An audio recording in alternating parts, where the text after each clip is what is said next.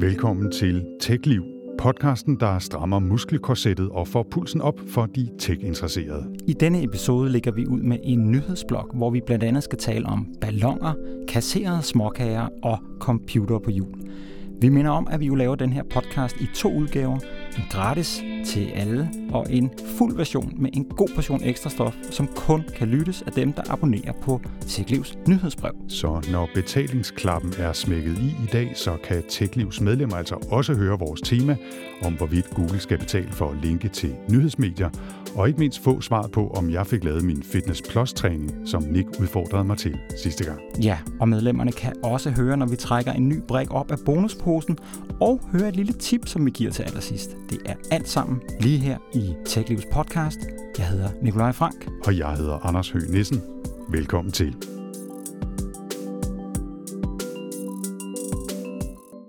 Men ikke før vi går i gang sådan for alvor med nyhederne, så skal vi lige have en lille opfølger på en af de historier, vi snakkede en del om sidst, nemlig brugerflugten fra WhatsApp til Signal og Telegram. Ja, WhatsApp de har jo mere end 2 milliarder brugere, men alligevel så gør det altså virkelig ondt på den Facebook-ejede tjeneste at se konkurrenterne, der har fået tilgang af helt op mod 100 millioner brugere på tre uger. Og WhatsApp de har derfor valgt at udskyde den her meget omstridte opdatering af brugervilkårene fra februar til maj. Fordi så kan de jo nå at få tid til at forsøge at forklare de her nye brugervilkår lidt bedre, eller måske håber de i virkeligheden bare på, at folk til den tid har glemt alt om det og bare siger, ja tak, det er fint, som vi jo alle sammen gør, med, med, når der kommer nye brugervilkår. Det er nok det, de håber, ja.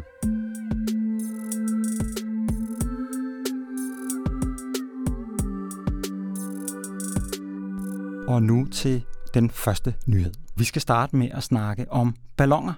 Ja, det skal vi. Fordi et af det seneste årtis mest unikke og højtflyvende høhø tech-eksperimenter er nemlig slut. Det er det projekt, der hedder Loon, Googles luftballoner, som skulle sprede internet ud til selv de fjerneste egne på kloden. Og ja, det lukker desværre ned nu, cirka syv år efter, at det projekt først blev introduceret. Det øh, fik vi at vide i en blogpost fra Astro Teller, der er chef for Google eller Alphabets eksperimenterende division, den der bare hedder X. Han skrev på bloggen, at vejen til kommersiel levedygtighed har vist sig at være længere og mere risikofyldt end håbet. I de kommende måneder begynder vi derfor at afvikle driften af Loon.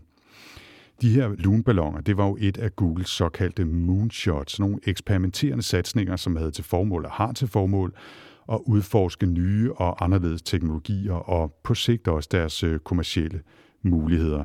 Og hvis vi lige skal vende sådan den helt grundlæggende idé, så er det jo at bruge højtflyvende, kæmpe balloner udrustet med antenner til at levere netadgang ude i fjerne egne, hvor man ikke kan eller øh, har råd til at opstille mobilmaster og øh, slet ikke at trække fiberkabler så øh, sender man de her balloner op, så finder de selv over til det område, de skal svæve over, og så bliver der sendt internet op til en af dem. Det bliver så spredt via lys øh, til de andre balloner, og bliver så beamet ned via 4G. For eksempel i Kenya, hvor man faktisk øh, har eksperimenteret en del med det. Og de her balloner svæver altså op i 20 km højde. Det er et fuldstændig vildt projekt, og de finder selv ud af, hvordan de skal positionere sig osv. De nåede øh, i det her Loon-projekt at levere internet af flere omgange til Puerto Rico, øh, da det blev ramt af orkaner, som, som eliminerede de traditionelle netforbindelser for mange indbyggere. Og så nåede Loon også i Kenya i april 2020 blive introduceret som en kommersiel tjeneste i samarbejde med Telkom Kenya, men den forsvinder altså også nu. Så hører det dog med til historien, Nick, og det synes jeg faktisk er et interessant lille krølle i Astro Tellers blog her, at Alphabet X har taget noget af teknologien fra Loon, og arbejder videre med det, også i Kenya. Det her element, hvor man sender data via lys. Nu gør man det så øh, på, på jorden imellem master, i stedet for mellem ballonger, fordi det stadigvæk er billigere end at grave fiber ned og, og kan bruges over længere afstand end almindelige mobilmaster. Så, så det lever lidt endnu. Ja, men spørgsmålet er jo, Anders, om det overhovedet er den teknologi, som kommer til at skulle sende internet i fremtiden til de her meget fjerne egne, fordi at det, der jo virkelig sker i øjeblikket, det er jo, at blandt andet Elon Musks øh, SpaceX begynder at sende de her Starlink satellitter op. Og øh, hans gode ven over hos Amazon, Jeff Bezos, han har vist tanker om lidt af det samme, så måske er det altså mere sådan klassisk, hvad jeg vil kalde det, satellitbaseret internet, som, som bliver fremtiden. Og jeg har lige netop set, at der er en, en gut i England, som er en af de første, der har fået lov til at, at prøve Starlink, som i øvrigt er hammerne dyrt lige nu men øh, som har oplevet ude i et område, hvor han nærmest overhovedet ikke havde noget hul igennem, har han fået op til en 85-90 megabit per sekund. Så satellitforbindelsen, den kan i hvert fald noget. Ja, og det er jo det lidt crazy projekt, det vi snakker om en anden god gang, med tusinder, er der tusinder af satellitter, der måske skal op, og det medfører så en hel en masse problemer i sig selv. Men det er en, en god historie til en anden gang. Lad os i stedet komme øh, helt ned på jorden, ikke? Ja, fra flyvende internet, der skal vi til computer på hjul, og det er jo det, der med et mere klassisk ord kaldes for en bil.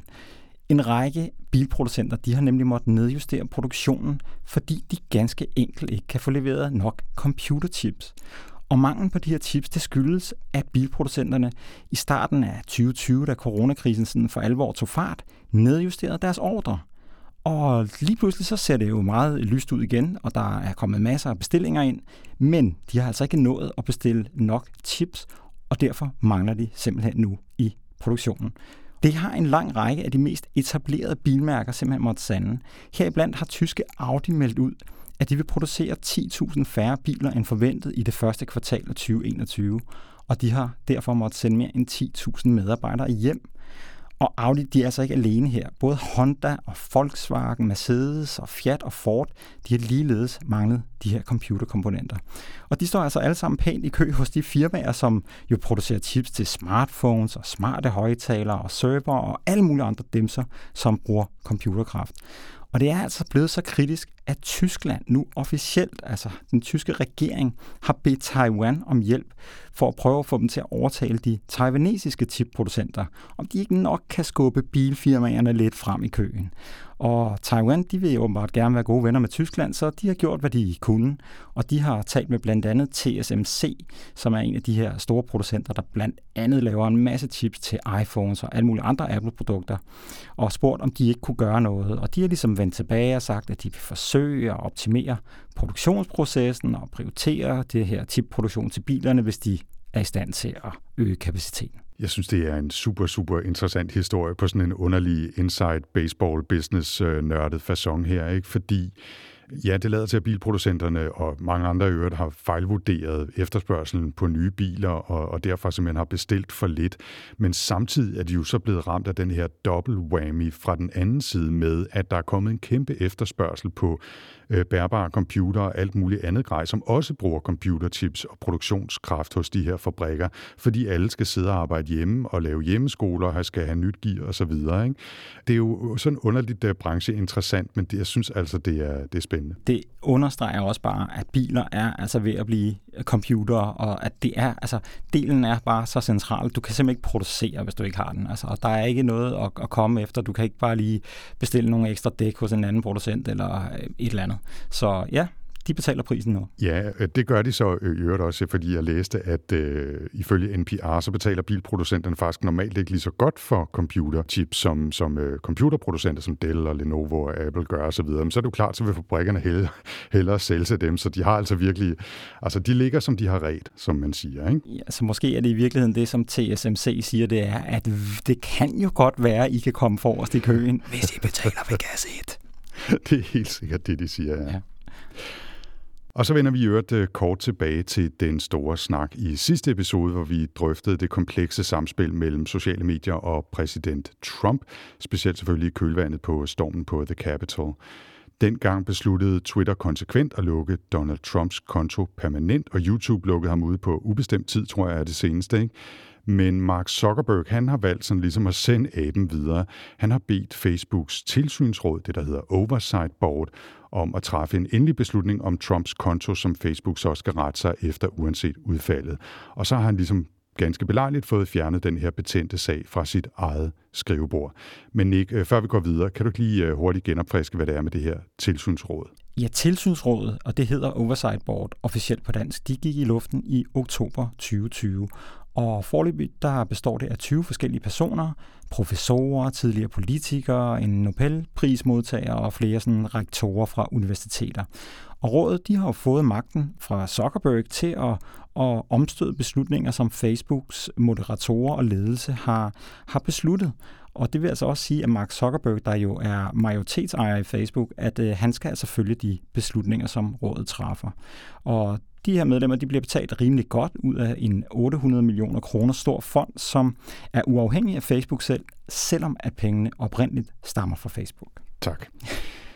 Og så til, øh, til den aktuelle sag, fordi uh, Helle thorning Schmidt, som uh, blandt andet DR har talt med, hun er jo faktisk med det her Oversight Board, og hun er en af de fire sidestillede formandskræfter i tilsynsrådet, som siger, at de skal indhente oplysninger fra både Facebook og fra Donald Trump og fra udvalgte eksperter osv., og så altså træffe en beslutning om, hvorvidt Donald Trump får lov til at, at komme tilbage til Facebook eller bliver udelukket på permanent tid.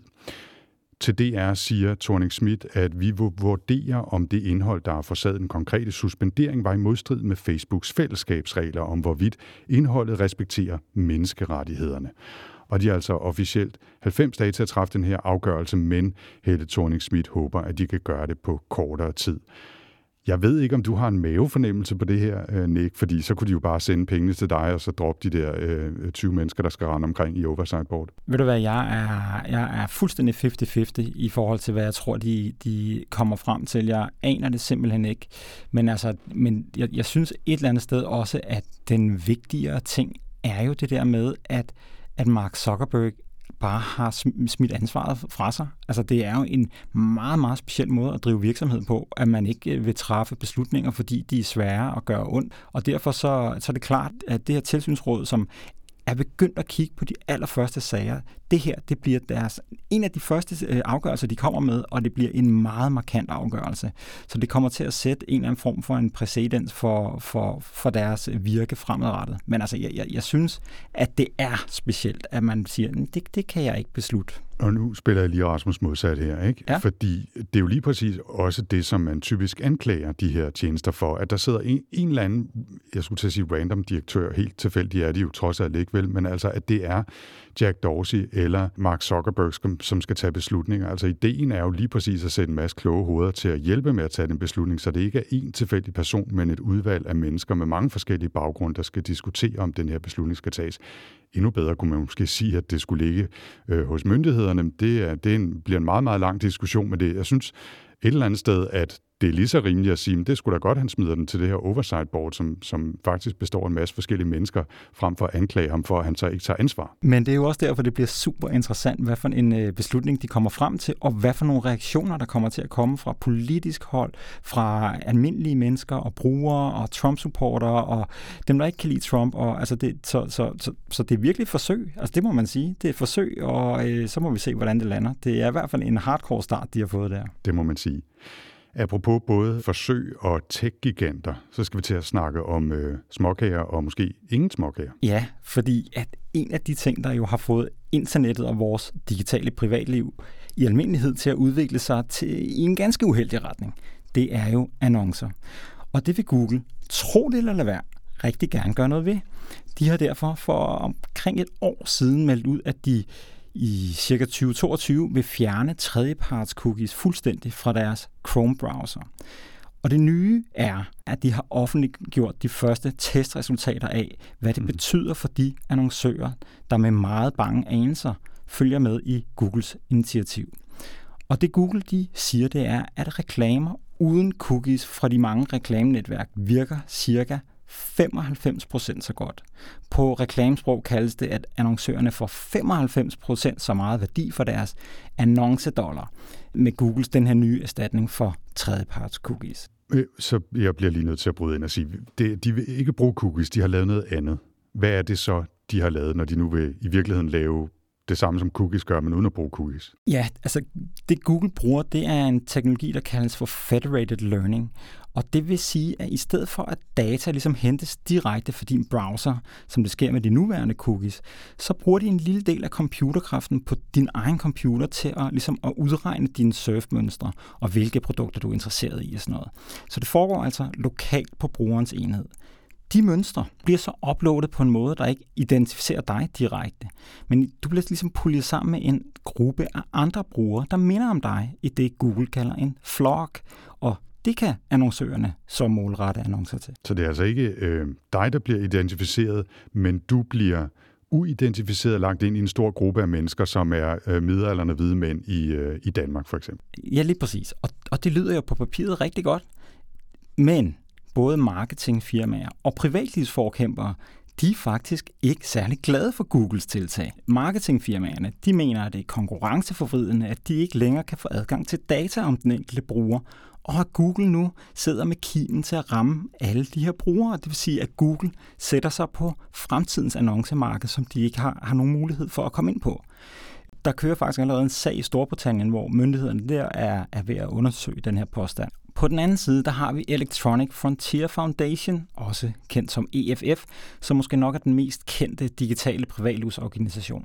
Og de ser også metoden som problematisk. De kalder den her nye metode for en tatovering på din digitale pande, fordi det altså er fuldstændig uigennemskueligt for den enkelte bruger, hvordan og hvorfor de er ind i sådan en flok, og de har ikke nogen mulighed for at slippe ud af den.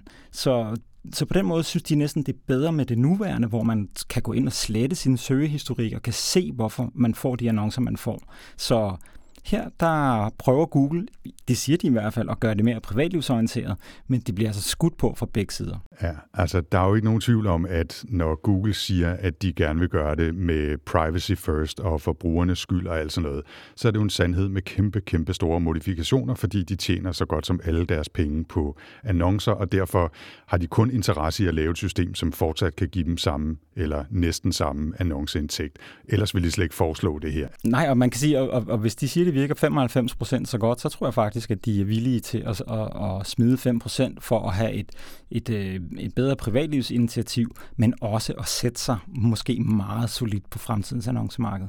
Ja, lige præcis. Ikke? Jeg tror, jeg tror at det, det, det lille hit ville de tage i håbet sikkert også om, at så kunne de sætte sig på, på en endnu større del af markedet, hvis de kommer til at dominere. Ikke? Mm. Altså som, jeg tror, det var i Business Insider, der var en god klumme om det her, hvor der var en, der skrev, altså hvis de rigtig ville privacy first, så droppede de jo fuldstændig tracking. Men det kommer de jo ikke til at gøre, for det er deres forretningsmodel. Ikke? Det gør de. Altså, men, men skal man give dem en lille smule, altså, og, og her øh, kigger jeg så heller ikke på, på beskyldningerne om øh, monopolmisbrug og, og så videre, men altså, ideen om at lægge mere over på min lokale device, og øh, at det ikke er Google, der, der har øh, alle oplysninger om, hvad jeg laver, men at de får ligesom sådan en mere eller mindre anonymiseret måde at behandle mine data på, som en del af en kæmpestor pakke af mennesker, synes jeg sådan set har nogle gode idéer det er i hvert fald bedre end tredjeparts cookies, der følger os alle hvide vegne, og som alle mulige mærkelige mennesker får adgang til at købe og sælge og bruge på, på kryds og tværs.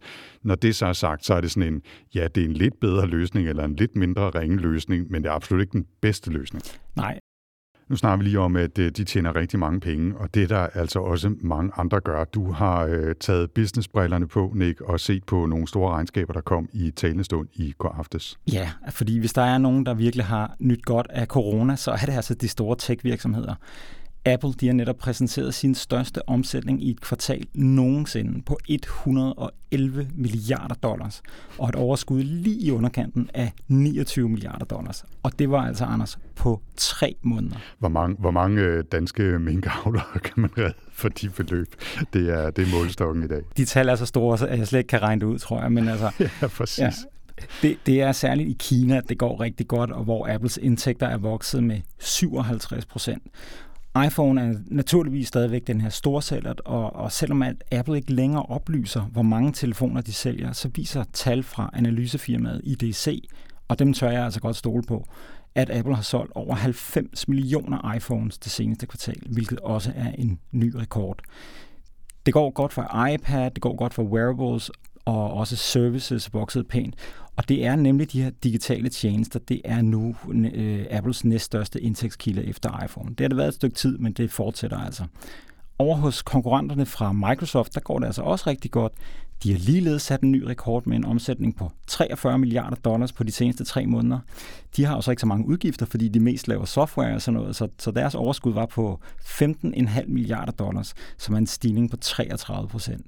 Og det er særligt Microsofts cloud-forretning, som bare bliver ved med at vokse markant, og den udgør nu omkring 39 procent af firmaets indtægter, hvis min beregning er, er korrekt.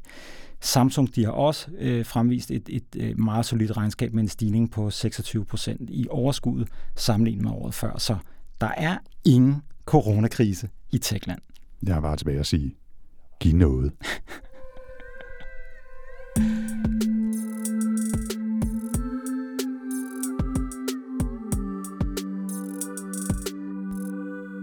Og det var så de deciderede nyheder i denne her episode, men Nick, du har jo også skrevet på TechLiv om, hvordan førerløse biler er blevet en ny kampplads for tech-giganterne, hvor det jo særligt er to, som er gået i verbal infight online. Hvad er det, det handler om? Jo, altså når du siger, at det er blevet tech-giganternes nye kampplads, så er det jo fordi, at de efterhånden alle sammen, altså faktisk nærmest kun med undtagelse af Facebook, har en eller anden form for aktie i førerløse biler. Altså senest har Microsoft købt sig ind i det firma, der hedder Cruise. Men det, du henviser til før, det er jo øh, det her offentlige mundhuggeri mellem Tesla-boss Elon Musk og John Krafcik, tror jeg han hedder, som er direktør for Googles bildivision Waymo. De er nemlig fundamentalt uenige om, hvordan man udvikler mm. en bil, der kan køre på egen hånd. Og faktisk så meget, at Waymo ikke længere vil kalde deres teknologi for self-driving. De kalder det nu i stedet for autonomous driving, for at adskille det fuldstændig fra Teslas full self-driving software. Og den her uenighed, den bunder i to ting. Og den første er om en førerassistent, som den som Tesla øh, bruger, pludselig kan blive så god, at den kan køre sig selv. Eller om man, sådan som Waymo gør, bør udvikle en bil fra start af, som er tænkt til ikke at have noget ret, sådan så man helt undgår den der mellemliggende periode, hvor føreren kan døse væk og ikke er klar til at overtage styringen. Altså Elon Musk har for nylig sagt, at Tesla vil være selvkørende på niveau 5 i slutningen af 2021. Og det er altså niveau 5, det er det højeste niveau, der hvor bilen kan køre alle vegne selv. Og det tror Waymo ikke en meter på. Den anden uenighed, det drejer sig om, om de forskellige teknologier, som de to bruger. Tesla bruger i høj grad kameraer, mens Waymo bruger den her, det her hardware device, der hedder en LiDAR, som er sådan en laserradar, der øh, måler tid og afstand til andre objekter. Og Teslas er jo så i, i høj grad, kan man sige, baseret på, at den kunstige intelligens skal simpelthen bare blive så god, at bilen til sidst bare kører sig selv, fuldstændig som menneske, bare langt bedre.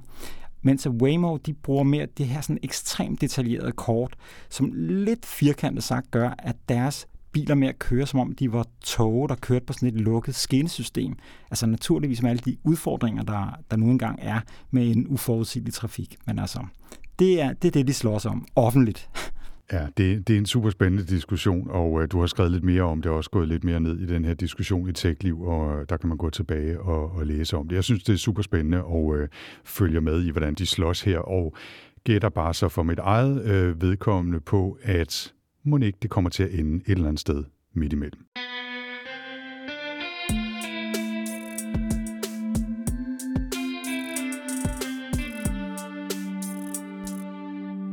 Om et lille øjeblik skal vi have en opfølgning på den udfordring, jeg gav dig i sidste uge, Anders, og jeg glæder mig faktisk rigtig meget til at høre, hvordan, eller om du overhovedet klarede den. Men inden vi når dertil, skal jeg så ikke trække den her uges i bonusposen. Bare sådan, så jeg har lidt tid til at forberede mig, da jeg har på fornemmelsen, at pilen den peger på mig. Ja, det er jo nok øh, dig, der skal trække en brik. Så øh, jo, lad os øh, trække den, og jeg finder posen frem her.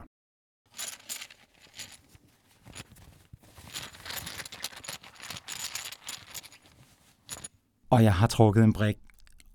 Og der står en meget mærkelig tekst på. Der står nemlig brokkerøv.dk.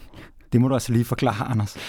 Ja, brokkerøv.dk, det er jo øh, den brik, øh, som giver os lov til at være kvævlander, som de sure gamle mænd vi er. Altså, vi lægger vores øh, privilegietjek på hylden et øjeblik og tillader os bare at være mavesure over et eller andet, måske fuldstændig ligegyldigt i hverdagen, men som øh, altså ikke desto mindre for os helt op i det røde felt. Okay, jeg gør mig klar til at brokke mig.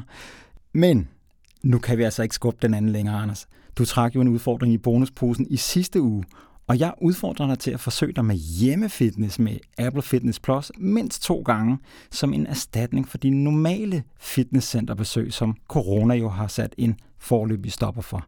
Og hvordan er det gået? Ja, yeah.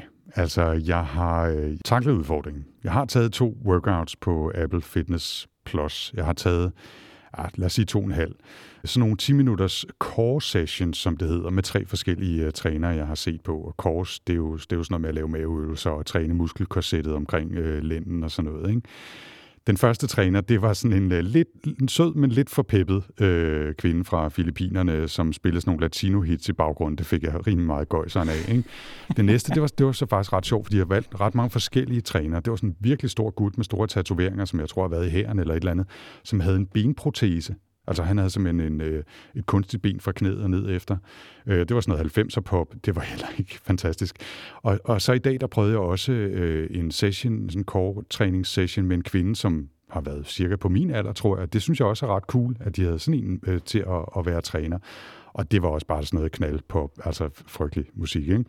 Men øvelserne er sådan set fine, og de er gode til at... Øh, og instruere, og, og de har hele tiden nogen med i baggrunden også, som viser, hvordan man kan gøre det lidt lettere, hvis man ikke kan træne den fulde øvelse, og det synes jeg sådan set også er en, øh, en god service. Så jeg har gjort det øh, som supplement til de øvelser, jeg ville have lavet alligevel.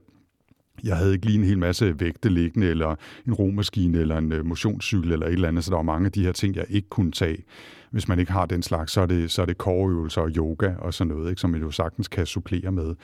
Og jeg vil sige, hvis det ikke lige kostede øh, 10 dollars om måneden eller et eller andet tilsvarende i, i, i danske penge, så kunne jeg da godt forestille mig, at det var noget, jeg supplerede min vante træning med en gang. Men jeg er simpelthen så jeg er så solgt på at løfte, løfte vægte ned i centret, så lige snart man kan det igen, så gør jeg det, og, og har ikke tænkt mig at betale for det. Men jeg synes faktisk, at jeg, at jeg blev positivt overrasket over, hvor, hvor solide og, og varierede øvelserne var faktisk. Det er sjovt, du siger det, fordi at, øh, da jeg skrev om Apple Fitness Plus i TechLiv første gang, der havde jeg lige, altså jeg har bare lige set tre forskellige starter for de her træninger på mit tv derhjemme, og jeg, jeg fik sådan også helt øh, allergi over for den der peppethed der, og tænkte, det er bare så amerikansk. Men måske er det i virkeligheden, fordi jeg aldrig selv har gået til sådan noget fitness-træning øh, med sådan en, en, en, en træner, der står og, og råber og, og pepper mig op.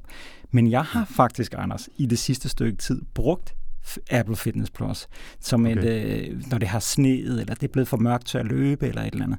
Og jeg har lavet det, der hedder HIT. High Intensive Interval Training. Ja, lige præcis. Så noget høj intensiv øh, intervaltræning, lige præcis. Og, øh, og jeg synes faktisk, det er ret okay. Altså, det, det giver mening for mig lige at kunne mm. bruge 20 minutter, og man bliver altså virkelig hejlet igennem og får pulsen op og kommer i mål med sit daglige motionsmål og får trænet nogle helt andre muskler, end jeg er vant til. Så, så jeg har faktisk øh, haft en lille smule optur over det her hjemmefitness som sådan et alternativ til, at jeg bare jeg plejer kun at løbe. Jeg vil lige sige, øh, du, du øh, tror, du, du vil give en bonus, hvis jeg tog video af det. Ja, det har det jeg altså ikke gjort. Jeg, jeg har taget et billede, som jeg har delt med dig i vores dokument af, hvordan jeg træner med, med min jævnaldrende dame ja. i en træning, så bare for at dokumentere det. Ikke? Men før vi kommer til din uh, brokkerøv.dk, Nick, så har jeg faktisk en lille opfølgende mini-udfordring til dig. Okay. Aha.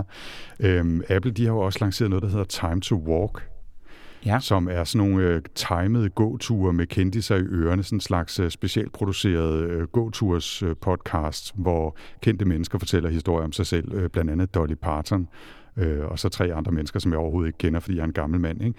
Men øh, det, det bliver kørt på et Apple Watch, fordi man skal jo tracke, når man går turen, så man kan ikke bare sætte den i gang og så sidde derhjemme.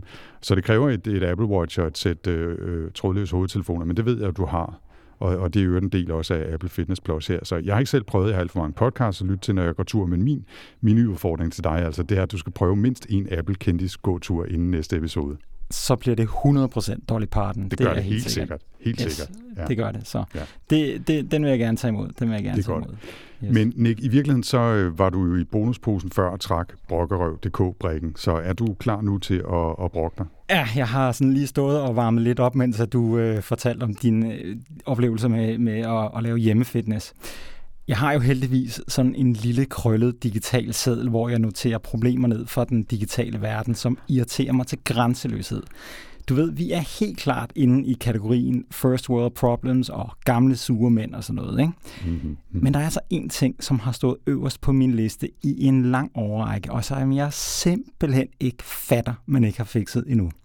Og det er, når jeg skal overføre penge i min netbank, enten mellem min egen konto eller til andre, så har jeg 20 tegn at gøre godt med, når jeg skal beskrive, hvad det er, jeg vil overføre penge for. Og det er da simpelthen så irriterende, at man ikke kan skrive noget meningsfyldt, eller at man skal forkorte det og skære det ned, og man har ord med, der mangler tre bogstaver i slutningen, og hvad ved jeg. Ikke? Og nu når vi er med det med brugeroplevelsen i banken. Når jeg i min mobilapp Øh, og jeg ved altså, at det her er den samme app, som rigtig mange danske banker de bruger. Når jeg vil søge på et bestemt datointerval, så kan jeg maksimalt vælge en periode på 365 dage. Og jeg har det bare sådan lidt, but why? Og det stopper ikke der. Fordi når jeg scroller ned igennem mine posteringer, og det gælder både i appen og på nettet, så er det længste, jeg kan gå tilbage, det er to år. Så møder jeg en tekst, hvor der står, den valgte konto har ikke flere posteringer. Men det er jo løgn. Jeg har haft en konto i simpelthen så mange år, jeg ikke engang kan huske, hvor mange det er. Der er masser af flere posteringer. Altså, og hvor er de henne, de posteringer? Altså, er der ikke plads til dem på deres papirsruller, eller hvad fanden er det for et system, de bruger i de der banker der, ikke? Og hvis jeg lige må slutte det her lille segment af, og der skal jeg så til bankernes forsvar sige, at det hvis der er en sikkerhedsprocedure, som de er tvunget til at følge. Men så er det da bare så irriterende, at man nu skal bruge nem idé for at overføre penge mellem sin egen konti. Så hvad går det ud på? Forstår det ikke. Okay, det var vist både øh, brokkerøv.dk og brokkerøv.dk øh, bonus med bonus på, men altså, jeg er fuldstændig med dig. Øh, det irriterer også mig, at jeg skal finde på alt muligt mærkeligt forkortelser og kun kan skrive 20 tegn, eller i det mindste, altså kunne tilføje en lille note i sin egen bank, så man kan skrive, hvad er det her for noget, hvor kommer de penge fra, eller et eller andet. Ikke? Altså når man har købt et eller andet på nettet, og der bare står sådan et eller andet digital services, og så får man ikke rigtig mere at vide, okay, hvor fanden har jeg betalt de der 22 dollars hen, og så videre. Ikke? Så jeg, jeg er med dig. Hvis der er nogen, der arbejder i en bank derude, ikke, så skriv endelig til os og forklar, hvorfor det er sådan. Vi bliver nødt til at, det bliver vi nødt til at, at få svar på. Jeg kan godt fortælle dig, hvorfor. Det er, fordi alle øh, gamle danske banksystemer, de kører på et eller andet øh, altså, øh, jern fra 80'erne med, med Comal 80 eller sådan et eller andet, øh, der kører på, så der, der er ingen, ingen dataplads overhovedet. De blev mega misundelige, da Twitter blev lanceret, og der var plads til 140 tegn. og så tror jeg også, vi øh, slutter brokkerøv.dk for denne gang.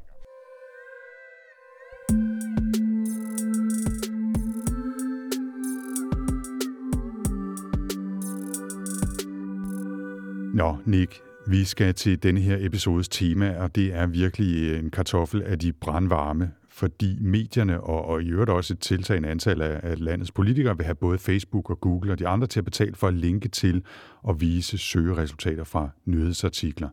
Og der er sket en masse ting i den seneste uges tid, hvis vi lige prøver at tage nogle hurtige overskrifter. Ikke? Fordi danske medier især har meldt sig ind i koret ved at have Google og Facebook til at betale for at linke til indhold – Google truer i en lignende sag i Australien med at lukke søgemaskinen, hvis et lovforslag, de går og koger på, bliver vedtaget. Samtidig så har Google indgået en aftale med franske medier om betaling for at kunne vise dele af deres nyhedsartikler, og Facebook har lanceret Facebook News over i Storbritannien som en særlig fan i appen, hvor man altså kan læse nyhedsartikler, og de har planer om at udbrede deres service i flere lande. Så der sker virkelig noget, som du siger, på det her område. Skal vi ikke starte fra toppen med den danske vinkel? Jo, de største danske medier de publicerede sådan en, et fælles debatindlæg hos Media Watch for en uges tid siden, hvor de kræver, at tech-giganterne skal betale for at linke til deres indhold. Og det er altså cheferne for de helt store mediehuse, det er Egmont og DR og TV2 og JP-politikken, Berlingske og Jysk Fynske Medier. Tror jeg, vi har været med alle sammen igennem. Øh, ja, og, det, og, og det, de skriver, Anders, det er, altså, vil, du, vil du ikke i øvrigt være citatmester her? Hvad er det, de skriver? Jo, det vil jeg gerne. De skriver, Kulturministeriet har i disse uger et lovforslag i høring. Det kan blive et vigtigt første skridt i retning af mere rimelighed. Det handler i al sin enkelhed om at sikre danske medier betaling for deres indhold, så tech-giganterne ikke frit kan udnytte artikler, billeder, videoklip, interviews på deres platforme og tjene penge på det, uden at sende en del af pengene tilbage til medierne. Lovforslaget kan, hvis politikerne er klar, få en reel betydning for dansk indholdsproduktion. Ja, så det, det i virkeligheden vil sige, det er, at de danske medier ønsker, at vi skal gå i Australiens fodspor, hvor politikerne jo er millimeter fra at vedtage noget, noget tilsvarende. Og i Australien der har de netop fået de sidste indsigelser på plads, men øh, lovforslaget, som det ser ud nu, det kræver altså, at Facebook og Google skal betale for at linke til indhold fra alle australske medier. Og hvis de ikke selv kan finde ud af at lave en aftale med, med, med det enkelte medie, så er der simpelthen en voldgiftsmand, en eller anden uafhængig øh, instans, som skal beslutte, hvor mange penge de to store amerikanske techfirmaer skal hoste op med for retten til at linke til nyheder. Og begrundelsen er altså helt den samme, som de danske medier nu fremfører, nemlig at Facebook og Google tjener annoncepenge på nyhedsindholdet, hvilket i særdeleshed for Facebook vil sige, at indhold som brugerne og ikke mindst medierne selv deler i stor stil. Ikke? Mm. Og derfor har politikerne i Australien vurderet, at det kun er ret og rimeligt, at en del af de her penge går videre til dem, der har produceret indholdet. Ja. Det kommer jo som en overraskelse for absolut ingen af hverken Facebook eller Google er særligt tilfredse med de her tiltag, initiativer og, og love. Facebook siger, at de jo ingen kontrol har over, hvor meget nyhedsindhold, der deles på deres platform, og at de risikerer at skulle betale et uforholdsmæssigt stort beløb for ulejligheden, hvis en uafhængig instans kan bestemme prisen, altså hvor meget de skal betale for at linke til de her nyheder. Google er mere aggressiv. De tror simpelthen med at lukke deres øh, søgemaskine i Australien, fordi det er voldsomt komplekst for et firma, som lever af at indeksere indhold, sådan som Google gør, hvis de altså skal til at betale for det. Australiens premierminister Scott Morrison, han øh, var ikke sent til at svare på det her. Han sagde bare, vi svarer ikke på trusler. Men det er jo øh, super komplekst det her. I den høring, som er foregået i Australien, der støtter blandt andet det australske techfirma Atlassian, som i øvrigt blandt andet ejer samarbejdsværktøjerne Trello og Jira, de støtter op om Google og Facebook. De er simpelthen bekymrede for, at indhold på nettet bliver opdelt i klasser, hvor nyhedsindhold får særstatus, og mener i øvrigt, at det vil kunne ødelægge neutraliteten på, på nettet. Ja, og den opfattelse, den deles til fulde af Tim Berners-Lee, som jo er manden, der opfandt World Wide Web. Berners-Lee han skriver i sit indspark til den her afsluttende høring i det australske senat, at loven risikerer at krænke et grundlæggende princip på nettet ved at kræve betaling for at linke mellem udvalgt online-indhold. Og han siger, hvis den her præcedens bliver fuldt andre steder, så kan det gøre internettet ubrugeligt rundt om i verden. Så tingene er virkelig ved at koge ned i Australien, men samtidig med, at alt det her foregår dernede, så er Google ved at lukke en aftale med de store franske nyhedsmedier. Der er to helt afgørende forskelle på Australien og Frankrig, og den ene er, at Google i Frankrig kan bruge det, der kaldes et mere rigt uddrag af de etablerede mediers nyheder i det, de kalder Google News Showcase. Så det er ikke bare links, men snippets med ekstra stof. Og samtidig så kan de frit forhandle aftaler individuelt med medlemmerne af den sammenslutning, der hedder, og nu prøver jeg på mit bedste skolefransk her, Alliance de la Presse d'Information Générale det var sgu flot. Men altså, Facebook, de spilder altså heller ikke tiden, øh, selvom at situationen i Australien den spidser til. For de har benyttet ugen til at lancere nyhedstjenesten Facebook News i England eller i Storbritannien. Og lidt i stil med Googles aftale i Frankrig, så har Facebook indgået en aftale med en stor del af de etablerede britiske medier, som betyder, at Facebook mod betaling, vil at mærke, må bruge artikler i sådan en ny dedikeret nyhedsfane i Facebook-appen. Og det er altså de helt store medier som The Guardian og Channel 4 og Independent og Daily Mail og sådan noget. Og faktisk er det kun det, der hedder News UK, som har The Times og The Sun, som står uden for den her aftale med Facebook. Det Guardian skriver, det er, at aftalerne med de her forskellige medier varierer enormt meget. Nogle får nogle store beløb på forhånd, mens andre de må simpelthen forlade sig på at, at få betaling afhængig af klik og tilhørende annoncer i det format, der hedder Instant Articles, som er sådan et format, hvor man kan læse nyhederne direkte ind i, i Facebook-appen. Og Storbritannien er så i øvrigt det, det første land uden for USA, hvor Facebook News bliver rullet ud. Facebook siger dog, at det blot er begyndelsen på en række internationale investeringer i nyheder. Okay. Og lad os så prøve at se, om vi kan binde en sløjfe på den danske historie, som vi startede med. Facebook har responderet i et modsvar til de danske medier, hvor de pænt gør opmærksom på, at nyhedsindholdet udgør mindre end en håndfuld procent af det indhold, brugerne ser på Facebook. Men det praller fuldstændig af på de danske politikere. Politikken skriver, at både Socialdemokratiet, Venstre og SF mener, at tech-giganterne skal betale danske medier for det arbejde, de tjener penge på at formidle. Socialdemokratiets medieordfører Kasper Sandkær siger helt specifikt om muligheden for, at Google vil true med at lukke søgemaskinen i Danmark, at det er et dilemma, som alle europæiske lande må forholde sig til. Vi har lavet stå til for længe. Tech-giganterne har fået så stor magt over distributionen og den demokratiske samtale, at der ikke er noget hurtigt fix til at vinde magten og kontrollen tilbage. Nick, hvad siger du til alt det her?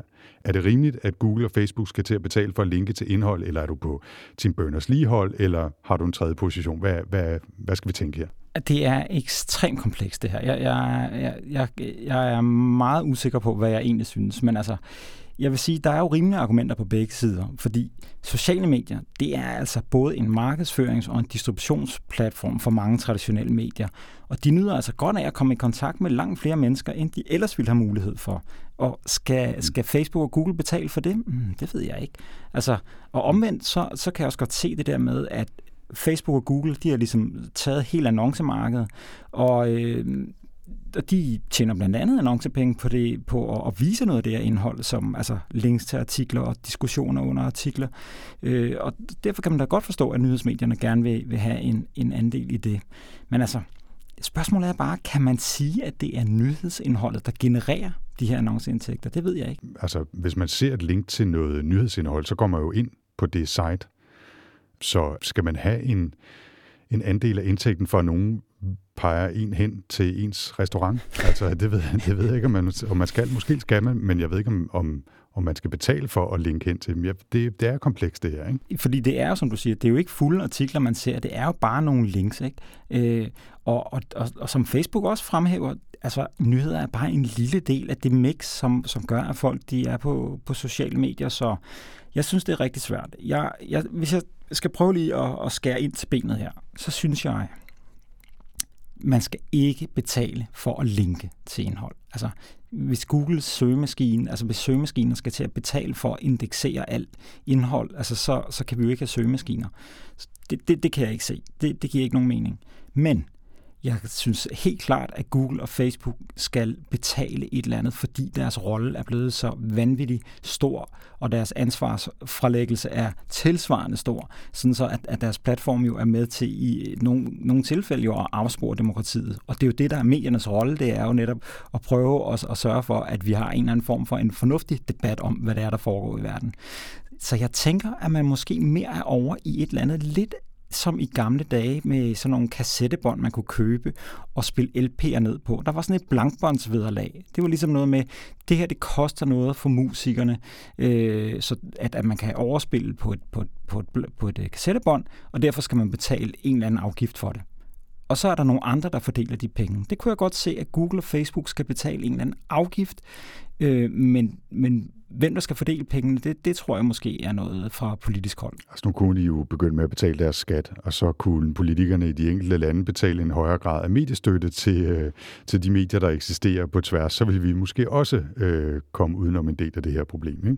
Det kunne også være en model. Og jeg vil sige også lige til de danske politikers forsvar, de har altså ikke lagt sig fast på, at det skal være det der med at betale for at linke, som nødvendigvis er den rigtige model. Men de vil i hvert fald have dem til at betale, og jeg mit bedste bud er, at det kommer til at ske på et tidspunkt. Så som sagt, altså det er en øh, uh, super kompleks situation. Der er mange interesser, der er også mange penge på spil, men det er uh, svært at være fuldstændig kategorisk og sige, at den ene løsning er bedre end den anden. Men det lader i hvert fald til, at uh, der er ved at ske nogle ændringer. Om de så slår bredt igennem, og hvornår, det vil tiden vise.